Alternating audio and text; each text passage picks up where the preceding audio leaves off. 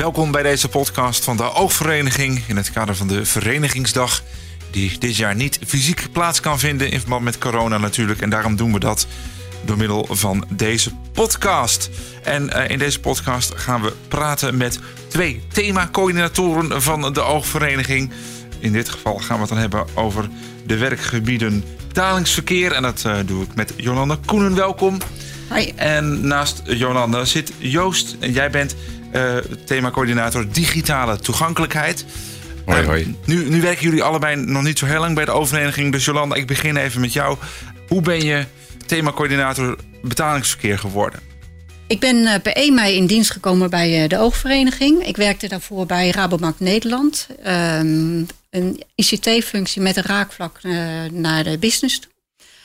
Um, ik, op een gegeven moment had ik een, zoiets van... nou, ik werk er nu 30 jaar zal ik eens een keer een overstap maken. Ik heb een uh, loopbaanadviestraject uh, gedaan en uh, daaruit kwam dat ik eigenlijk wat meer mijn hart moet volgen en op zoek moet gaan naar um, een belangenorganisatie voor milieu of nou ja, zoals de oogvereniging.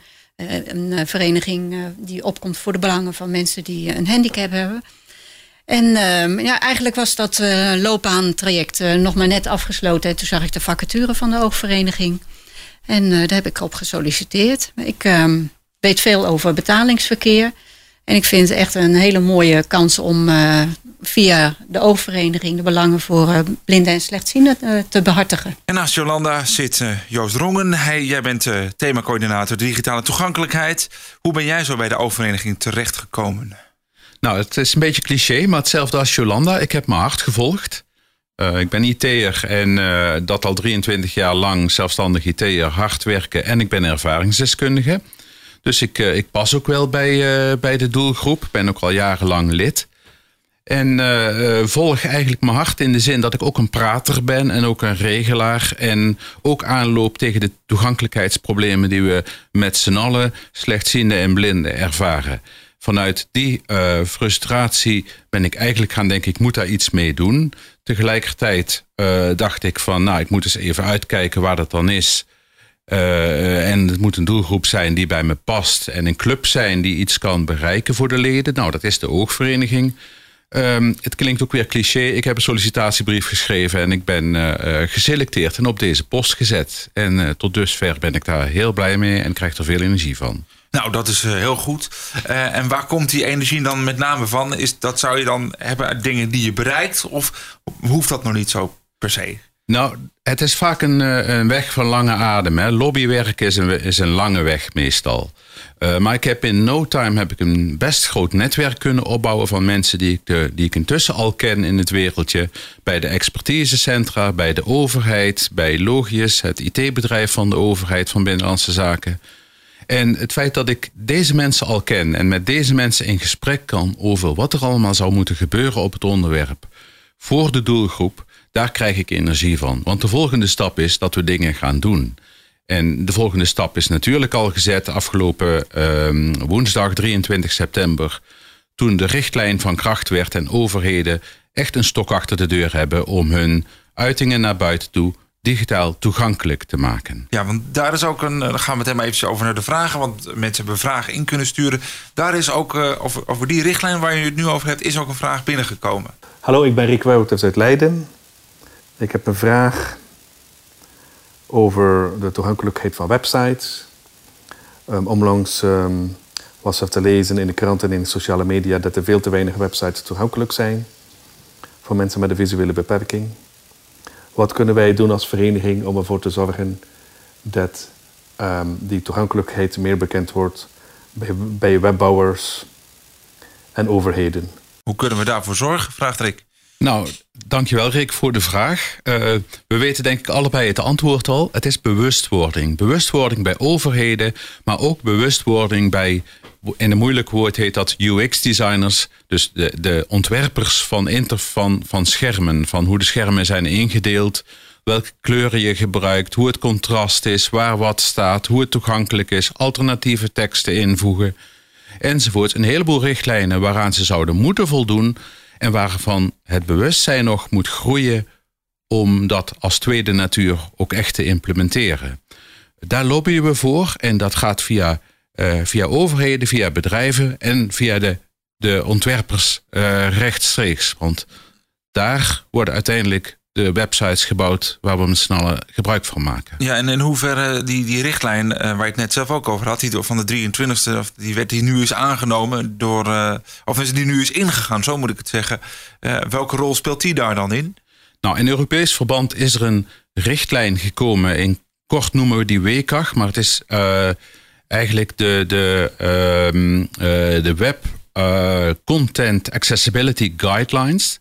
Daarvan hebben we nu versie 2.1 inmiddels in Europees verband, vertaald door Stichting Accessibility in het Nederlands.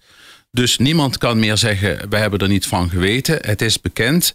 Het is nu de richtlijn waar de overheid aan moet voldoen. En waarop de overheid nu moet zeggen op al hun websites wat ze aan het doen zijn om hun website aan die richtlijn te laten voldoen. Dat is een uh, objectieve richtlijn. Die kun je meten in hoeverre je eraan voldoet. Wij als oogvereniging hebben uh, meer de rol van subjectief meten. Hoe kunnen onze mensen, ehm, zeg maar, webontwerpers helpen door ze te laten zien hoe zij met de websites omgaan. Subjectief, van hoe gaan we met de website om? Welke bewegingen maken we? Hoe kijken we? Welke volgorde houden we aan? Wat vinden we logisch, wat vinden we niet logisch? Het is van belang dat webontwikkelaars dat snappen hoe uh, iemand in de wereld van uh, visuele beperkingen met dingen omgaat. Maar even, kun je dan een concreet voorbeeld geven van wat moeten ze eigenlijk nu geregeld hebben? Nou, in principe zouden zij aan de hele richtlijn moeten voldoen. Uh, men heeft begrepen dat dat niet haalbaar is. Er bestaat een heleboel oude content, inhoud, die, al, uh, die niet op, van de ene op de andere dag uh, aangepast zou kunnen worden. In coronatijd is dat sowieso een hele moeilijke opgave. En als alternatief moeten overheden nu verklaren op hun websites in hoeverre zij aan de richtlijn voldoen. Ehm, zij moeten dus een, een digitaal een toegankelijkheidsverklaring opnemen op hun website. Op het moment dat zij dat doen, geven zij aan in een, op een niveau van A tot en met E in hoeverre zij voldoen aan de nu geldende richtlijn. En daar moet dus progressie in zitten en daar gaan we ze aan houden. Nou, klinkt nog steeds een beetje ingewikkeld met A en E. Want uiteindelijk zou je kunnen zeggen: leuk dat je op je website zegt van we zijn er mee bezig. Want daar komt het dan toch gedeeltelijk op neer. Eh, we zijn er nog niet, maar we zijn er druk mee bezig. Maar wanneer is dan het moment dat je echt kan zeggen: nu moet het echt gewoon allemaal geregeld zijn? In ieder geval voor de nieuwe content. Je kunt je dat voorstellen dat uh, documenten die er al twintig jaar op staan, dat je die misschien dan wat niet meer toegankelijk maakt of daar mee wacht. Maar gewoon vanaf nu, alles wat er nu nieuw opkomt, moet dan toch gewoon toegankelijk zijn? Nou, dat zou je wel zeggen. En dat zouden we met z'n allen willen. Maar daar is geen uh, harde einddatum opgesteld. Een andere datum die er nu rondgaat is 2025 moeten alle niet-overheidsinstanties aan die richtlijn voldoen.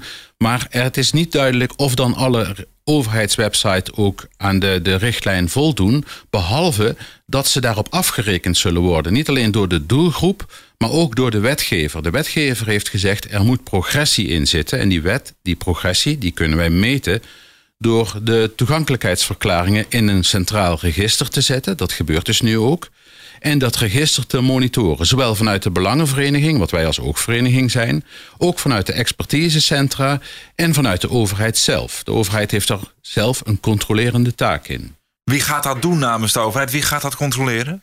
Nou, in principe heeft uh, het bedrijf wat overheidswebsites doet, Logisch, heeft daar een rol in. Binnenlandse zaken controleert uiteindelijk.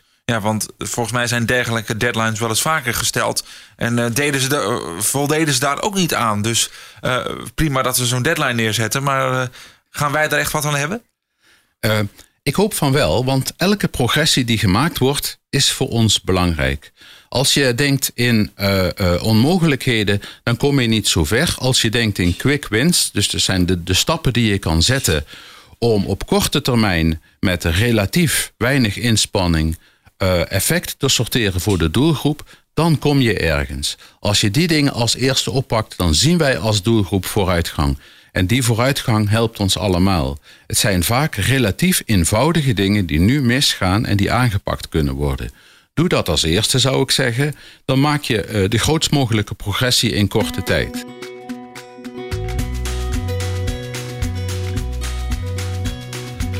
Even concreet, wat moet een websitebouwer als eerste doen? Nou, ik zag toevallig vanmorgen toen ik hier naartoe kwam, zag ik een website in het geel met witte letters. Een groot grutter in Nederland die heeft dat zo op zijn website. Nou ja, contrast, dat weten wij allemaal, is ontzettend belangrijk. Als je daar niet aan voldoet, dan maak je eigenlijk een hele grote fout door een groep uit te sluiten die het dan niet meer, waarvoor het niet meer toegankelijk is. Kies je andere kleurstelling met meer contrast, is het probleem opgelost. Hoeveel kan dat dan kosten? Websites zijn lang niet altijd toegankelijk, maar er zijn ook wel veel vragen van mensen die zeggen: de geldautomaat, daar mag ook wel eens wat aan gebeuren. Want uh, dan de ene knop zit het weer daar en de andere zit weer aan de andere kant van de geldautomaat. Kortom, die indeling is ook allemaal niet duidelijk. Uh, maar Jolanda, we hebben nu sinds kort. In Nederland de geldmaat staan. Die komt steeds meer. Wat is dat voor automaat en is die wel helemaal duidelijk? Um, de geldmaat is een apparaat wat door uh, de drie verschillende banken uh, aangeboden wordt in de, in de, door Geldmaat, de organisatie Geldmaat. Het zijn niet allemaal fysiek dezelfde apparaten, want uh, de apparaten die er al staan, die worden omgebouwd, wordt andere software opgeladen, waardoor er spraak aan toegevoegd wordt voorwaarde is wel dat er een audio-ingang in, op zit. En als die er niet op zit, en het is een apparaat wat nog maar onlangs aangeschaft is door uh, een bank, ja, dan uh, moeten we even wachten totdat die automaat zijn levensduur ja, zijn beëindigd is. En dan wordt die vervangen door een echte nieuwe automaat waar altijd sprake op zit. Je zou toch zeggen, op het moment dat we met nieuwe geldautomaten komen, dan is het, moet het toch gewoon één universeel ontwerp zijn. En daar zit dan toch een eh, koptelefoonaansluiting op? Ja, dat, zou, dat, dat willen ze ook. En daar is Geldmaat ook mee bezig. Maar de automaten die er staan, die bouwen ze wel in een sneltreinvaart om naar automaten met software van uh, Geldmaat. Um, zodat daar alvast sprake op zit. Want je kan, het, is, het is onmogelijk om in, uh, in zo'n korte tijd um, al die geldautomaten te vervangen door nieuwe. Want het is wel de bedoeling dat de bestaande automaten van de banken dan, dan eventueel weggaan. Als bijvoorbeeld, hè, want je kan van meerdere banken meerdere automaten naast elkaar hebben. En daar komt dan één geldmaat, of twee, maar in ieder geval uh, geldmaat te staan. Ja, dat klopt. Toch? Ja. Ja. ja. En jij zegt, het, het, duurt dan even voordat ze alles hebben omgebouwd. Maar dat betekent dus nog steeds dat je op plekken terecht kan komen dat je niet zelf geld kunt pinnen. Dat klopt, ja. Maar daarvoor heeft uh, Geldmaat een, um, een um, locatiewijze ontwikkeld. En op hun website is die te vinden. En um, op de website van de oogvereniging staat een handleiding daarvoor, als dat jou helpt. Um, en daar kan je op vinden waar automaten met spraak staan. En die lo locatie vinden is ook volledig toegankelijk op de website? Ja, die is volledig toegankelijk. Er zijn nog wel wat verbeteringen die doorgevoerd moeten worden, maar daar ben ik mee bezig, samen met Geldmaat. En met Joost, wellicht. Nou ja, hij, hij heeft gewoon een oogje in het zeilen, hè? als het gaat over websites. Ja, daarom, en daarom, daarom vraag ik het. Ja. Nou, dit is, uh, dit is toch mijn pakje aan. Nee, ja. want dat is ook. ook ja. Dan pak je natuurlijk meteen twee vliegen in één klapje. Je, je maakt ze en bewust van het feit dat die automaten. Uh, die moeten bruikbaar zijn. Maar dat geldt natuurlijk ook eigenlijk voor die website van Geldmaat en eigenlijk alle banken. Ja, dat klopt. Ja. Nee, daar zijn we volop mee bezig. Maar goed, uh, hij is toegankelijk, maar het, er zijn nog wat verbeteringen door te voeren. Ja, want hoe staat het eigenlijk met de toegankelijkheid van banken als we de verschillende scanners en apparaten uh, hebben die we nodig hebben om überhaupt in te kunnen loggen? Hoe, hoe zit dat daarmee? Nou, over het algemeen zijn de, de webs en de apps uh, aardig toegankelijk, maar er kunnen nog wel wat verbeteringen doorgevoerd worden. Um, ja, er zijn bijvoorbeeld tokens die uh, voor uh, blinden gewoon niet toegankelijk zijn. En dan moeten er dus andere tokens. Wat is een token? Uh, een manier om, om je te autoriseren en een betaalopdracht te, te autoriseren. Ja, want ik heb zo'n scannetje van de Rabobank. Dat ja. gaat eigenlijk om met kleurcodes. Dat is toch ja. ook een, ja, een dingetje als je het niet ziet, toch? Nee, nee, maar daarvoor heeft de Rabobank voor blinden en slechtzienden nog een random reader in groot formaat. Ja, die ze vroeger ook gebruikten, zeg ja, maar, klopt. voordat dit allemaal werd, uh, werd ja. aangepast. Ja. Maar goed, eigenlijk zou je dat niet willen, toch? Je wil dat iedereen daar zo gebruik van kan maken. Ja, dat, dat klopt. Um, maar dat, ja, dat is gewoon nog niet gelukt.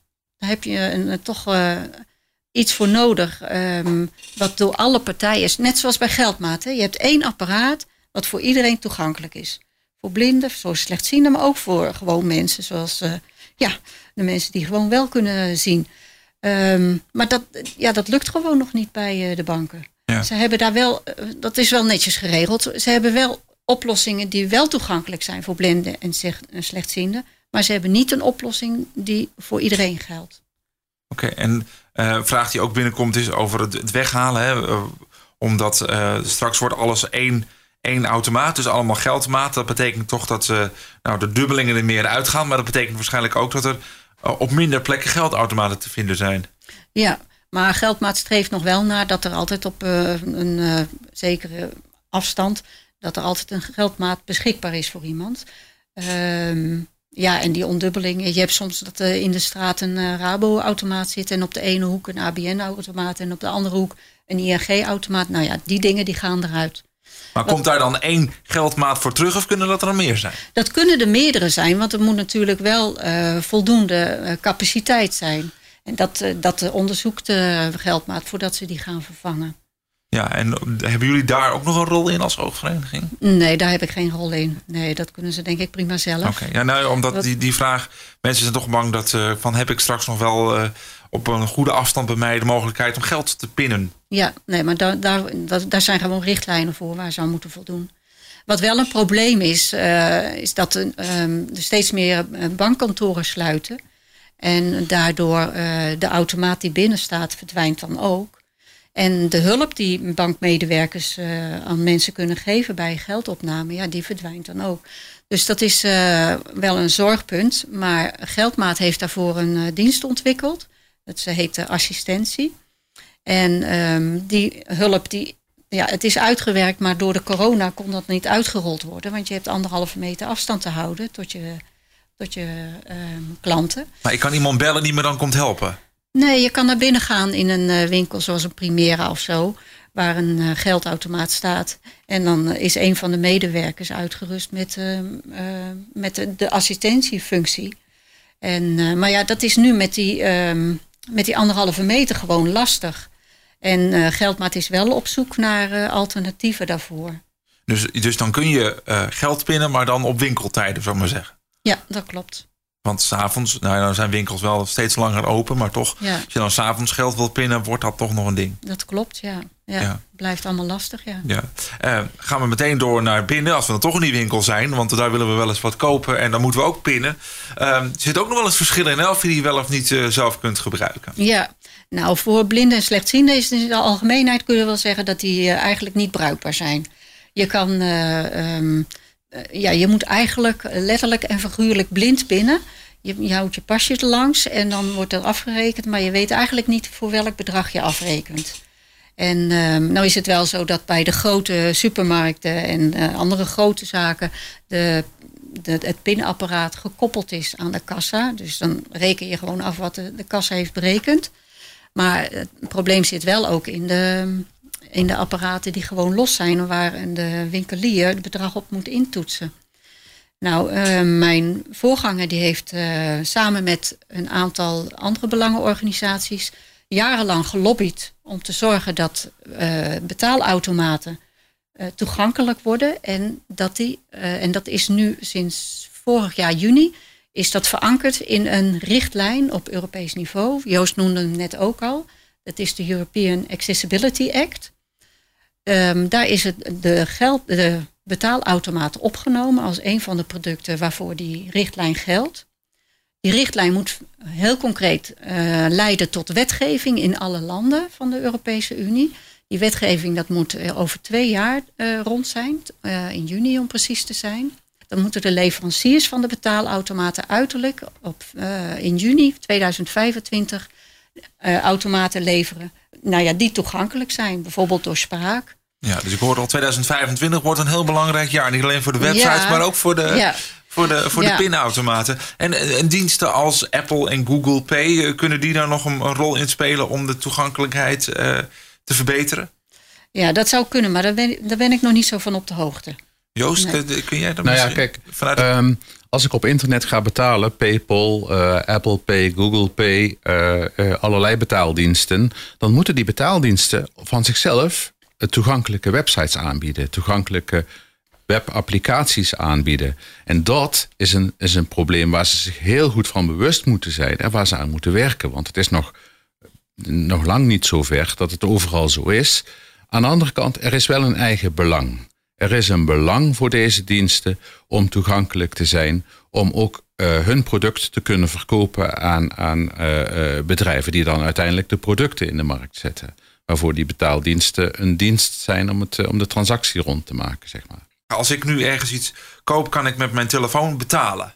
Ja, NFC heet dat die techniek. Ja, met via NFC en dat kan ook nog uh, via de spraak. Is dat dan een welkome aanvulling op die mogelijkheid om toch je betaling te kunnen doen? Of zeg je misschien, nou dat is misschien toch nog te ingewikkeld voor veel mensen? Nou, NFC is op zich heel simpel. Um, uh, maar dat is meer een betaling in de winkel als ik een product koop. Maar als ik thuis een product bestel online, moet ik vaak afrekenen via een betaalservice. En die betaalservice die moet natuurlijk toegankelijk zijn. Anders heb ik het product gekocht, aangegeven dat ik het wil. Ik ben helemaal verlekkerd op dat ik het morgen krijg en dan kan ik niet betalen. Dat kan natuurlijk niet. Nee, maar dan, dan kom je vaak bijvoorbeeld tegen in Nederland uh, kennen we Ideal. Dat kennen ze in het buitenland weer niet. Uh, dus als je in Nederland kan je Ideal uh, wil betalen, kan je Ideal gebruiken. Maar wil je iets uit Amerika laten komen of nou ja, als je het zou willen nu uit China, dan moet je het dan weer op een andere manier doen. Nou ja, dan zul je creditcard moeten gebruiken of PayPal moeten gebruiken of, of, of andere diensten. Uh, en het is aan de winkelier, aan de verkopende partij om te kiezen voor betaalservices die toegankelijk zijn. En je had het net al even over die richtlijn. Uh, dit gaat dan alleen voor Europa, zo'n richtlijn. Dus uh, voor als je iets in buiten Europa koopt, geldt die richtlijn dan weer niet? Of zijn dan weer, hebben zij andere varianten? Dat zou ook nog kunnen. Nou, ja, die richtlijn die, die geldt voor, uh, voor Europa. Dus als je in Europa uh, iets koopt, dan, dan moeten ze de, Moet eraan voldoen. Dan moeten ze eraan voldoen. Moet ja. eraan voldoen. En je zei net, uh, 2025 wordt een belangrijk jaar. Maar voor, ik vind het eigenlijk al veel eerder belangrijk worden. Vertel. Nou, 2025 moeten ze uitgerold worden. Maar daarvoor willen we natuurlijk zorgen dat het op een goede manier gebeurt. Ik wil eigenlijk zo dat er een, een uniforme oplossing komt die alle leveranciers aanbieden. Um, kort geleden heb ik contact gehad met uh, de betaalvereniging, um, waar ook een aantal uh, leveranciers uh, bij betrokken zijn. En die, daar heb ik de, de richtlijn toegelicht en gevraagd hoe of zij daarin staan. Nou, het is wel duidelijk geworden dat een aantal leveranciers ook wereldspelers zijn. En het wordt best wel lastig om al die fabrikanten op één lijn te krijgen. Ja. Um, dus het belang is heel groot om te zorgen dat er in ieder geval uh, een oplossing uitkomt. Misschien, misschien dat er meerdere oplossingen zijn, maar dat er in ieder geval één oplossing uitkomt die wel gedragen wordt door alle partijen. En dan, daarom moet er nu weer een intensieve lobby uh, gaan komen in de Europese Unie om dat mogelijk te maken. En ja. daar heb ik uh, de, de EBU, de European Blind Union, voor, uh, um, daar heb ik contact mee opgenomen om, uh, om ja, krachten te bundelen. Dus, uh, en zo moet het uiteindelijk zijn dat je straks niet alleen in de winkel op, uh, goed kan betalen, maar op zo'nzelfde manier ook een ritje met regiotaxi bijvoorbeeld kan afrekenen. Ja, en dat zal best lastig worden. Hoe Zo'n zo'n apparaat, ja, wat, hoe ga je dat organiseren? Maar ja, goed, ik, binnenkort heb ik met een van de fabrikanten een afspraak die mij ook wat meer wegwijs maakt over welke andere vormen van betalen eraan zitten te komen. Want ja, de te technologie gaat natuurlijk voort. En we kunnen ook al die ontwikkelingen niet tegenhouden. Maar we moeten er wel uh, zorgen dat we die technologie tegelijkertijd gaan gebruiken om een hoop meer mogelijk te maken. Gaat hier even de telefoon af. Um, um, daar werd ik even een heel klein beetje eraf geleid. Het zou dus het mooiste zijn als er één standaard ontstaat. Maar ik hoor jou eigenlijk al zeggen, en dat geldt natuurlijk ook straks met, uh, voor de digitale toegankelijkheid. Met de zoveel verschillende webbouwers die er zijn. Um, hoe kunnen we die bewustwording bij zowel de banken als bij de webbouwers eigenlijk buiten het veld van de blinden en slechtzienden nog breder maken? Dat ze er goed over nadenken. Je dienst moet toegankelijk zijn, maar je product ook. Die, die bewustwording uh, die zou enerzijds gedreven moeten zijn door een, een soort van morele verplichting. Overheden zijn moreel verplicht om hun informatie inclusief te ontsluiten. Dus voor de hele samenleving breed. Je hebt immers geen keuze als consument, als, als, als klant van de overheid. Je kunt nergens anders je informatie halen dan bij de overheid. En, en commerciële bedrijven moeten zich bewust zijn van het feit dat als zij inclusief ontwerpen, zodat op termijn meer klanten oplevert, een betere positie geven in de samenleving en uh, ook met hun producten warm onthaald zullen worden als, als een club die maatschappelijk verantwoord onderneemt. Maatschappelijk verantwoord in de zin van toegankelijk voor iedereen. Toegankelijk voor iedereen. Dus of je nou speciaal iets zo ontwikkelt dat het ook toegankelijk is voor mensen die blind zijn, mensen die doof zijn, die in een rolstoel zitten. Ik noem maar even wat iets op. Uh, moet toch eigenlijk dan niet uitmaken? Nou, in principe kan dat ook. En het is absoluut niet te moeilijk. Al zou ik dat voor heel fancy games nog niet precies weten hoe dat dan moet. En je kunt ook geen piloot worden als je visueel gehandicapt bent. Hé, jammer. Ja, precies. Dus ik zou het ook graag gewild hebben, maar het ging niet. Uh, maar uh, in principe kun je uh, toegankelijk ontwerpen met bijna dezelfde inspanning. Als je je bewust bent van de regels waaraan je je kunt houden, dan is dat niet een hele grote extra inspanning. Maar als je goedziend bent en niet bekend bent met de wereld van visueel gehandicapten, hun beperkingen. En ik zou dat overigens ook willen aanvullen met als je motorische handicap hebt, dan is daar ook een toegankelijkheidsissue. Heb je een auditieve handicap, insgelijks. Dus als je daarvan bewust bent en je kent de richtlijn die daarvoor opgesteld is, dan is het mijns inziens nauwelijks nog een extra inspanning. Wat wel een extra inspanning is, dat je ook iemand even laat kijken van voldoet dit nou? Dat is een extra inspanning. Ja, maar daar, daar zijn jullie onder andere dan toch voor namens de oogvereniging? Ja, zeker. Maar ook onze, ook onze leden zijn daarvoor om kritisch te blijven kijken en te blijven rapporteren. Wat goed gaat en wat niet goed gaat. En we kunnen daarop uh, acteren door uh, moreel appel te doen op organisaties. En een wat harder appel op overheden die immers een verplichting hebben om toegankelijk te zijn. Jij zegt overheden hebben die verplichting, want bedrijven hebben die verplichting niet? Nou, die bedrijven zoals uh, de banken en uh, de leveranciers van uh, betaalautomaten, die hebben eigenlijk hebben ze die verplichting al wel. Want in 2016 heeft Nederland de VN, het VN-verdrag van gehandicapten getekend. Dus ja, eigenlijk hebben ze de verplichting al. Maar ja, met zo'n VN-verdrag, um, je hebt niet echt een stok achter de deur, want er wordt niet echt op gehandhaafd. En uh, het, het, mooie van de EAA die eraan zit te komen, is dat het echt in de wet verankerd wordt. En daarmee is, heb, je als, ja, heb je gewoon een stok achter de deur. Ja. Jullie moeten daar gewoon aan voldoen. Ja, want dat VN-verdrag, daar moeten ook nog allerlei wetten voor gemaakt worden voordat dat überhaupt ook echt helemaal goed komt op alle fronten, toch? Dat, daar zijn we ook nog lang niet in Nederland. Nee, dat wordt, uh, het is eigenlijk wel een beetje triest gesteld met dat VN-verdrag. Of laat ik het zo zeggen, met de naleving daarvan. Hoe zou dat beter kunnen, denken jullie, op, op, als je naar jullie eigen terrein kijkt? Um, wetten worden eventueel gemaakt, maar moeten we daar nou echt op wachten? Nou, dat is denk ik uh, waar de oogvereniging voor staat. Hè. Ik noemde het al even, de subjectieve beoordeling van dingen. Als je kijkt naar uh, hoe dingen gaan en hoe weinig er in principe voor nodig is om grote stappen te maken, dan zouden we niet op wetgeving moeten wachten, maar dan zouden we bewust, aan bewustwording moeten werken op dit onderwerp. En bewustwording is een onderwerp wat neerkomt op uh, herhalen, duidelijk maken, laten zien. Uh, uh, leden die hun stem laten gelden, die ook lokaal hun werk doen en bedrijven erop aanspreken dat ze niet toegankelijk zijn.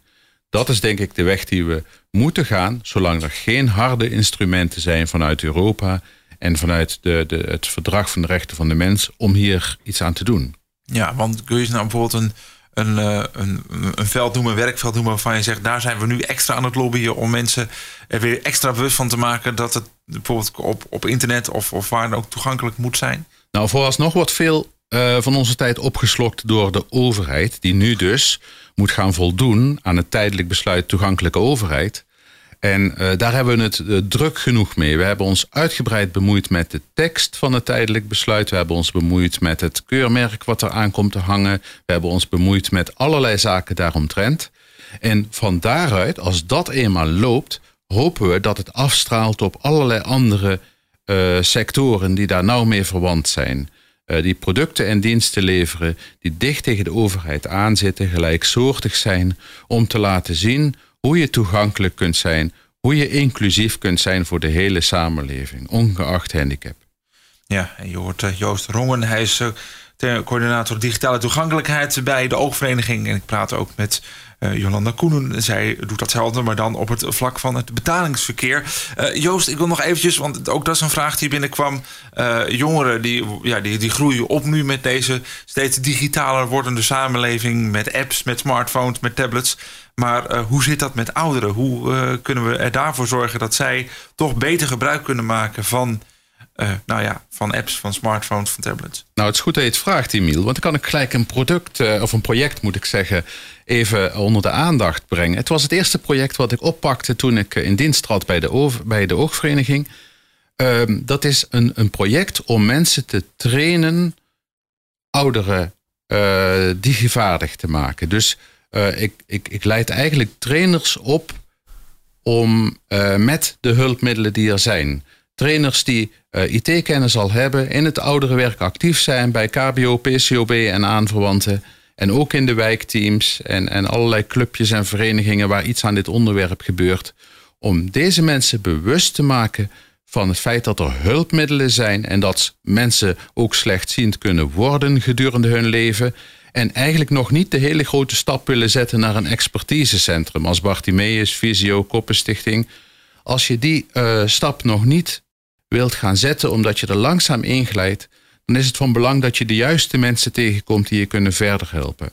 Maar hoe zit het dan met de mensen die, oh, die zelfs nog een stap eerder ook heel moeilijk vinden? Zo van het idee van, oh, zo'n smartphone vind ik maar eng. En uh, straks druk ik iets in en uh, gaat het verschrikkelijk verkeerd. Want die stap zullen ze eerst moeten maken voordat ze überhaupt aan zo'n training van wie dan ook mee zullen doen. Nou ja, het is maar net waar je die training insteekt. Hè? Als je die training insteekt vanuit niets en je begint bij een, op een heel laag niveau bij het begin met een computer, met een telefoon, hoe eenvoudig dan ook, dan zou je dat langzaam kunnen uitbouwen tot het maximaal haalbare niveau, wat ook weer persoonsgebonden is. En dat is een, een bewustwordingsproces wat ook bij de trainers moet groeien, dat niet iedereen daar hetzelfde in staat, iedereen zijn eigen niveau heeft waarop die getraind kan worden. En met weinig hulpmiddelen kun je soms al heel veel bereiken. En door veel dingen te bereiken, groeit ook het verlangen van mensen om meer te willen weten van de hulpmiddelen en meer te gaan deelnemen aan de samenleving met behulp van die middelen. En hoe, um, dat is ook een vraag die binnenkwam, dat vond ik ook wel aardig. Hoe, hoe, hoe breng je dat op een hele positieve manier? Niet alleen naar die, naar die ouderen toe, maar ook naar die uh, die bedrijven, die instellingen die daar, die daar aan toe bij moeten dragen. Dat mensen digitaal vaardiger worden. Nou, als, als mensen uh, digitaal vaardiger worden, gaan ze ook hun stem meer laten gelden. En bedrijven moeten inzien dat ze hun, hun, hun uh, bediening van de apparaten die ze maken afstemmen op hun doelgroep. En heel vaak is dat helaas, als het gaat om telefoons en allerlei andere dingen, is dat de doelgroep van jonge mensen die al lang bekend zijn met deze media, die niet meer tv kijken, maar ze kijken social media en ze kijken via allerlei kanalen. Uh, um, uh, hoe noem je dat? De Netflixen, de, de Netflixen, dus on demand, zullen we zeggen. Hè? Um, als bedrijven zich meer bewust zijn van het feit dat de samenleving als inclusief gezien moet worden en daar ook een doelgroep in hebben, zullen ze daar ook, daar ook moeite voor doen. Maar het is een beetje, denk ik, in welke uh, sector je zit. Als ik een hele fancy game wil bouwen of een flight simulator wil bouwen, dan is het lastig. En dan sta ik er zo in dat ik ze dat ook nog wel wil vergeven. Want er is een doelgroep die veel belangrijker is in feite als het gaat over digitale toegankelijkheid dan de high-end uh, gamers, zullen we maar zeggen. Nee, nou, maar toch zijn er, ik moet toch even dan noemen, er zijn wel blinde gamers. Hè? Absoluut, die, die absoluut. Ook nog, die ook dan nog heel ver komen. Dus het, het kan wel. Ik heb zelfs begrepen dat uh, een van de veel gebruikte spelcomputers ook echt uh, opties heeft om toegankelijk te zijn. Nou, dat is, dat is geweldig als dat kan. Hè? Als je een game toegankelijk kunt maken en je wilt dat ook, je wilt je er ook voor inzetten, is geweldig. Ik juich het heel erg toe. Maar ja, ik ben zelf bijvoorbeeld niet gaan gamen. Waarom niet? Omdat het nauwelijks toegankelijk voor me was en omdat ik geen hoog niveau zou kunnen bereiken.